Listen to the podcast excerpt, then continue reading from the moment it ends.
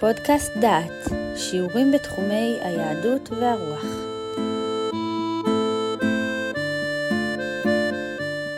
ברוכים הבאים לפודקאסט דעת, לקורס ירמיהו ותקופתו. בשיחה זו נעסוק בפרקים כ"ה וכ"ז שבספר ירמיהו, שהנושא שלהם הוא כיצד להתייחס לבבל. מדבר אליכם יהודה אייזנברג, ואני מאחל לכם האזנה נעימה. ירמיהו מנבא את נבואותיו בשנים האחרונות של שלטון האימפריה האשורית. בשנים המעטות של שלטון האימפריה המצרית ובשנים הראשונות של האימפריה הבבלית. שני עמים מאיימים מן הצפון, וגם השכן מדרום אינו טומן ידו בצלחת. בין נפילת אשור לעליית בבל, זוכה ארץ ישראל למצע מלחמה של פרעה נכו. הוא יוצא כדי לסייע לאשור לכבוש את חרן. בדרך הוא מתנגש ביאשיהו מלך יהודה, הורג אותו בקרב מגידו, וממליך את יהויקים בנו תחתיו. נבואת ירמיהו בפרק כ"ה מתרחשת בשנה הרביעית ליהויקים, שהומלך על ידי פרעה נכו מלך מצרים. ארבע שנים אחרי מות יאשיהו עולה נבוכדנצר לשלטון בבבל, והעם מבולבל בין האימפריות העולות והיורדות, ואינו יודע לאן לפנות. להיכנע לבבל, האימפריה העולה בצפון, לחבור עם מצרים, אויבתה של בבל מדרום, שהיא עכשיו השליט בארץ, ואשר לא מכבר עברה בארץ במסע מלחמה, בו נהרג יאשיהו, המלך האהוב. וזאת לזכור, ארץ ישראל היא בגבול האימפריות, ואין לדעת עד היכן תגיע שליטתו של מלך בבל, והיכן יהיה הגבול בין בבל למצרים. נבין את הדילמה של העם אם נשווה את מצבם למצבנו אנו, בתחילת קום המדינה. שתי אימפריות בעולם, ב-48, ארצות הברית וברית המועצות. מדינת ישראל באמצע. אין לדעת איזו מהן תשתלט על האזור. אוריינטציה קפיטליסטית פירושה צרות עם ברית המועצות תשתלם על האזור, ואוריינטציה קומוניסטית תגרום לתוצאות הפוכות. ובמצב הזה של אי ידיעה צריך להחליט מה לעשות. ירמיהו איננו מציג את הבעיה כשאלה פוליטית, אלא כשאלה של שכר ועונש, וכך מציג ירמיהו את הבעיה שיש בפני העם. ירמיהו כ"ה הדבר אשר היה על ירמיהו על כל עם יהודה, בשנה הרביעית ליהויקים בן יאשיהו מלך יהודה, היא השנה הראשונית לנבוכדנצר מלך בבל. אשר דיבר ירמיהו הנביא על כל עם יהודה ואל כל יושבי ירושלים לאמור. מן שלוש עשרה שנה ליאשיהו בן עמון מלך יהודה, ועד היום הזה, זה שלוש ועשרים שנה, היה דבר אדוני אליי, ואדבר עליכם השכם ודבר ולא שמעתם, לאמור.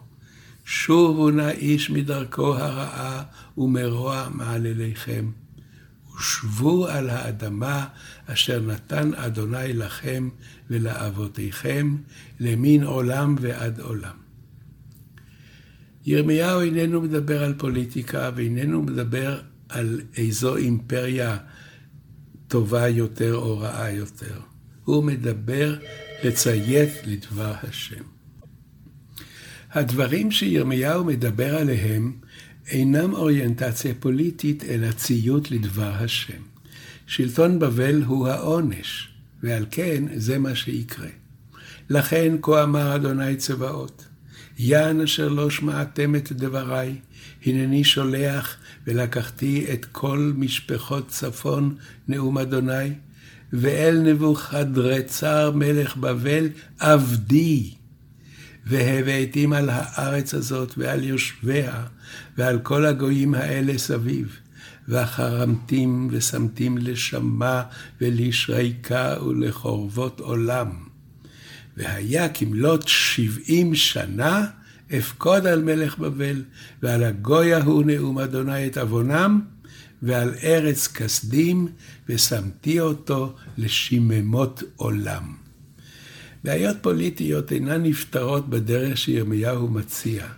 לא נכנעים לאויב לתקופה של 70 שנה, תוך ידיעה כי לאחר 70 שנה יוכרע האויב ועם אחר יעלה לשלטון.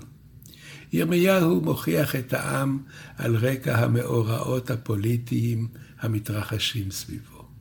אבל בניגוד לדרך בה אנו מנתחים את המאורעות, כאילו המהלך הפוליטי הוא קובע את התוצאה, טוען ירמיהו את ההפך.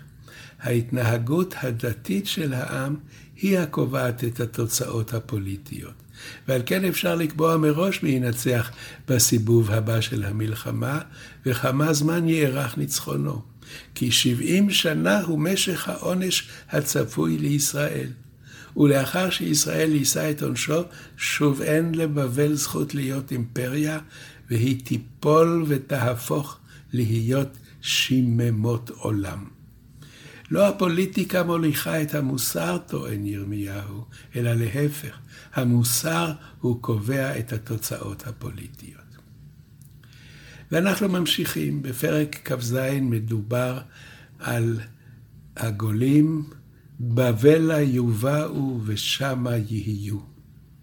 אנחנו נסוגים עכשיו שלוש שנים אחורנית.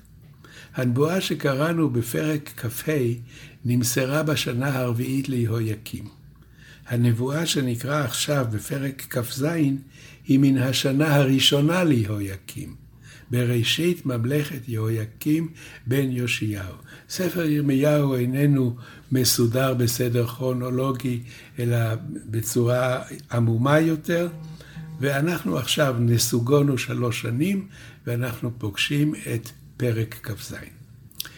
יאשיהו נהרג כזכור על ידי פרעה נכו, שעה שעלה למסע מלחמה לסייע לאשור נגד בבל. בנו יהויקים הומלך על ידי פרעה, מלך 11 שנים, ולאחר מותו מלך שלושה חודשים יהויכין יחוניה, זה אותו אדם, שהוגלה על ידי מלך בבל עם גלות החרש והמסגר. זאת הייתה האינטליגנציה של ממלכת ישראל. אחרי יהויכין מלך צדקיהו 11 שנה, ובסוף ימיו חרבה יהודה. הנבואה המתוארת בתחילת פרק כ"ז נמסרת לירמיהו בראשית ממלכת יהויקים, והיא מיועדת למשלחות של עמי האזור הבאות לצדקיהו מלך יהודה. כך כתוב: בראשית ממלכת יהויקים בן יאשיהו מלך יהודה, היה הדבר הזה אל ירמיהו מאת אדוני לאמור. כה אמר אדוני אליי, עשה לך מוסרות ומוטות ונתתם על צוואריך, ושילחתם אל מלך אדום ואל מלך מואב, ואל מלך בני עמון, ואל מלך צור, ואל מלך צידון, ביד מלאכים הבאים ירושלים, אל צדקיהו מלך יהודה. משהו פה מוזר. יהויקים מלך 11 שנים, ואחריו היה תקופת ביניים, ואחריו הומלך צדקיהו. בראשית ממלכת יהויקים מגיעה משלחת של מלכי האזור ליצור קואליציה עם צדקיהו נגד בבל? זה לא כל כך ברור. ההסבר של מנחם בולה בדעת מקרא הוא כזה: אינטריגות, בריתות, הפרת ברית ומלחמה בין ידידים הם לחם חוקו של האזור הזה. הן יהויקים והן צדקיהו קיימו קשרים עם עמי האזור, ויחד תכננו למרוד נגד האימפריות ששלטו.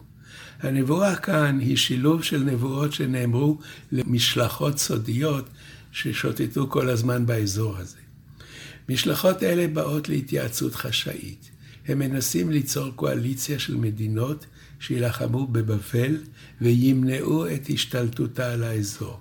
במשלחות נציגים מאדום, מואב, עמון, צור וצידון, אבל בסך הכל זה לא קבוצה של עמים חזקים במיוחד. הדילמה קשה מאוד. בבבל נמצאת האימפריה החזקה. האם ברית של חמישה עמים יחד עם מלכות ישראל תוכל לעמוד נגדו? בבל כבר לקחה בשבי את המלך שהומלך אחרי מות יהויקים, את כל האריסטוקרטיה וגם את כלי המקדש. יש שתי מפלגות בצד הישראלי.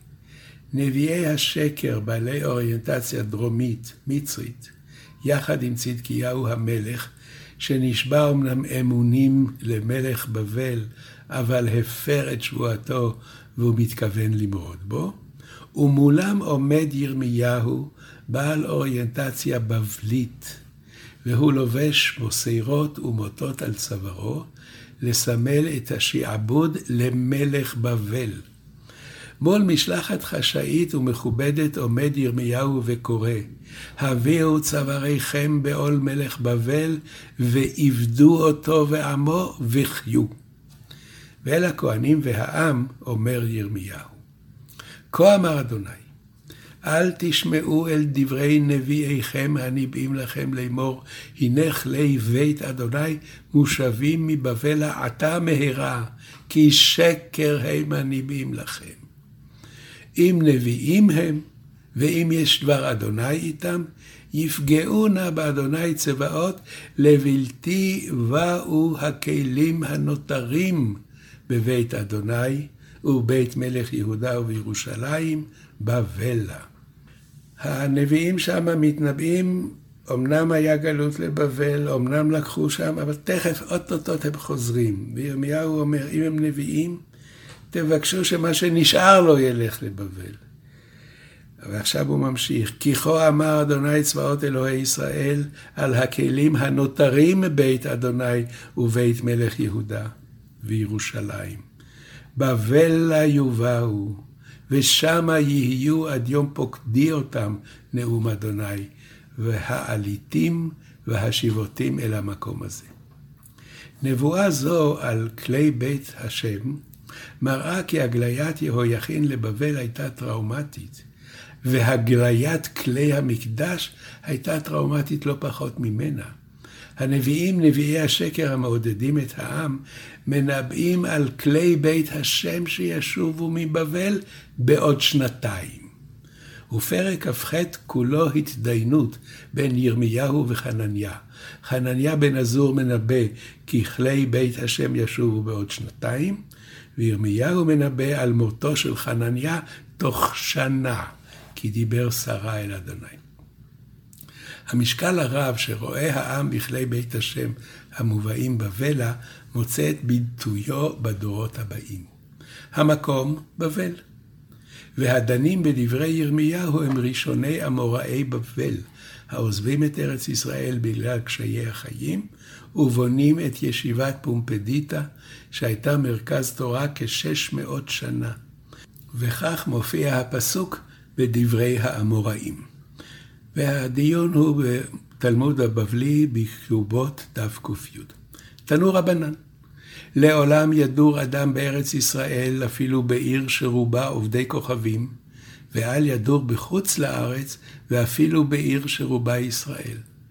שכל הדר בארץ ישראל דומה כמי שיש לו אלוה, וכל הדר בחוץ לארץ דומה כמי שאין לו אלוה.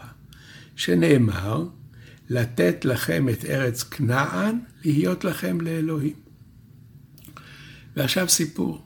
רב עזרא היה משתמט מרב יהודה, הוא לא רצה להיפגש איתו, מפני שרב זרע התכוון לעלות לארץ ישראל. ומדוע הוא לא רצה להיפרד מרבו? שאמר רב יהודה, כל העולה מבבל לארץ ישראל עובר בעשה, שנאמר, וזה הפרק שלנו, בבלה יובאו ושמה יהיו עד יום פוקדי אותם נאום אדוני. ורב זרע, אם כן, איך רב זרע עולה לארץ ישראל כשנאמר שמה יהיו? רב זרע אומר, ההוא בכלי שרת. הפסוק שמדבר על בבלה יובאו ושמה יהיו, מדבר על כלי המקדש. אין לו שיג ושיח עם אנשים הגרים בבבל. רב יהודה היה מייסדה של ישיבת פומפדיטה בבבל. הוא אסר על תלמידיו לעזוב את בבל ולעלות לארץ ישראל. הסיבה הייתה ברורה. בבל הפכה זה עתה להיות מרכז התורה בעולם. ועזיבתם תחליש את לימוד התורה. רב זירא תלמידו שרצה לעלות לארץ, השתמט מלפגוש את רבו ומלהיפרד ממנו, כדי לא לעמוד בעימות ישיר עם הרב האוסר לעלות לארץ. ואומנם עלה רב זירא לארץ, הצטרף לישיבתו של רב יוחנן בטבריה, והיה לתלמיד בה. המחלוקת האידאית בין רב יהודה האוסר לעלות מבבל לארץ, לבין רב זירא העולה מבבל לארץ, מתמצאת בפירוש הפסוק בירמיהו. הפסוק אומר, בבל יובאו ושמה יהיו עד יום פוקדי אותם נאום אדוני. רבי יהודה מבין את הפסוק הבינו, כפי שהבינו אותו יושבי ירושלים בימיו של ירמיהו. הגליית כלי המקדש הם עניין מרכזי בחיי העם. הגלייתם מסמלת את קץ הקיום היהודי בארץ. כל עוד לא ישובו הכלים, אין עתיד לקיום בארץ. הכלים זה הפעלת המקדש. רב זרע מפרש את הפסוק פירוש טכני. הכלים יהיו בבבל עד יום פקודה. האנשים שינסו לעלות לארץ. מעניין כי הרמב"ם מביא בספרו את דברי רב יהודה בסיכום להלכה, וכך כותב הרמב"ם: לעולם ידור אדם בארץ ישראל אפילו בעיר שרובה גויים, ואל ידור בחוץ לארץ אפילו בעיר שרובה ישראל. שכל היוצא לחוץ לארץ כאילו עובד עבודה זרה, שנאמר, כי גרשוני היום מסתפח בנחלת אדוני, לאמור, לך עבוד אלוהים אחרים. ובפורענויות הוא אומר, ואל אדמת ישראל לא יבואו. ועכשיו מסיים הרמב"ם ומסכם. כשם שאסור לצאת מהארץ לחוץ לארץ, כך אסור לצאת מבבל לשאר הארצות, שנאמר, בבל היובאו ושמה יהיו. שמעתם שיעור מתוך הקורס ירמיהו ותקופתו, מאת פרופסור יהודה אייזנברג. את הקורס המלא וקורסים נוספים ניתן לשמוע באתר דעת במדור פודקאסט.